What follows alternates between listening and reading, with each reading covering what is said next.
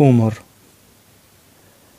Poslanik mir nad njim se ponekad smejao i šalio sa svojim ashabima, ali je odredio granicu u tome kako se ne bi upalo u laž, izrugivanje i vređanje drugih.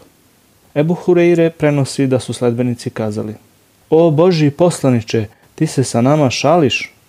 Pa je on kazao, da, ali ja govorim samo istinu. Kada je Hanzala pomislio da je vid licemerstva ukoliko se šali sa svojom ženom i decom, otišao je kod poslanika mir nad njim i rekao. Hanzala je licemer. On reče, zašto?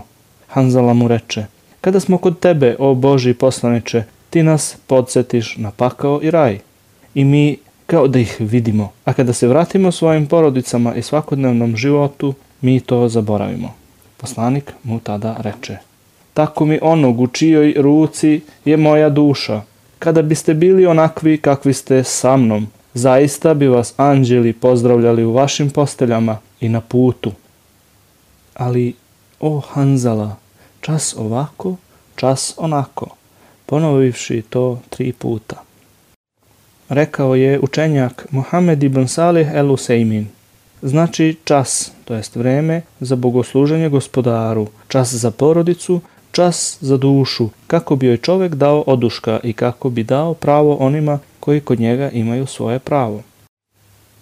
Ovo spada u pravednost i savršenstvo zakona u islamu.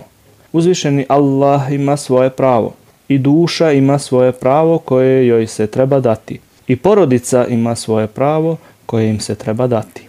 I gosti imaju svoje pravo koje im se treba dati.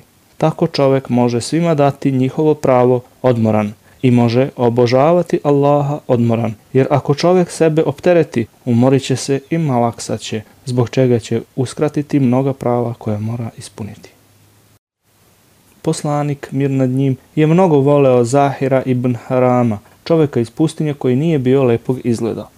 Jednom prilikom mu je poslanik došao, a on je prodavao neku robu na pijaci, pa je prišao iza njega, a on ga nije video, pa je Zahir upitao. Ko je to? Nakon toga se okrenuo i video da je to poslanik, mir nad njim. Tada je poslanik govorio, ko želi da kupi roba? Pa je Zahir kazao, znači ti me smatraš ružnim? Pa je poslanik mir nad njim kazao, ti kod Boga nisi ružan.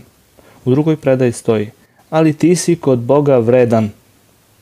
Poslanik mir nad njim bi se šalio sa Enesom i govorio bi mu, o ti koji imaš dva uva.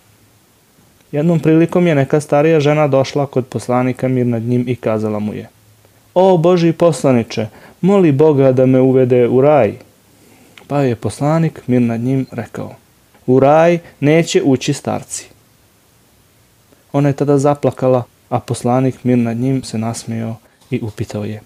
Zar nisi čitala reči uzvišenog Boga? Stvaranjem novim mi ćemo hurije stvoriti i devicama ih učiniti, milim muževima njihovim i godina istih. Kur'an, poglavlje El Vakija. To jest, stanovnike raja će Bog povratiti u godine mladosti i vitalnosti. Ovo su neke od situacija u kojima je poslanik mir nad njim činio ljude sretnim i otklanjao od njih brige i tugu.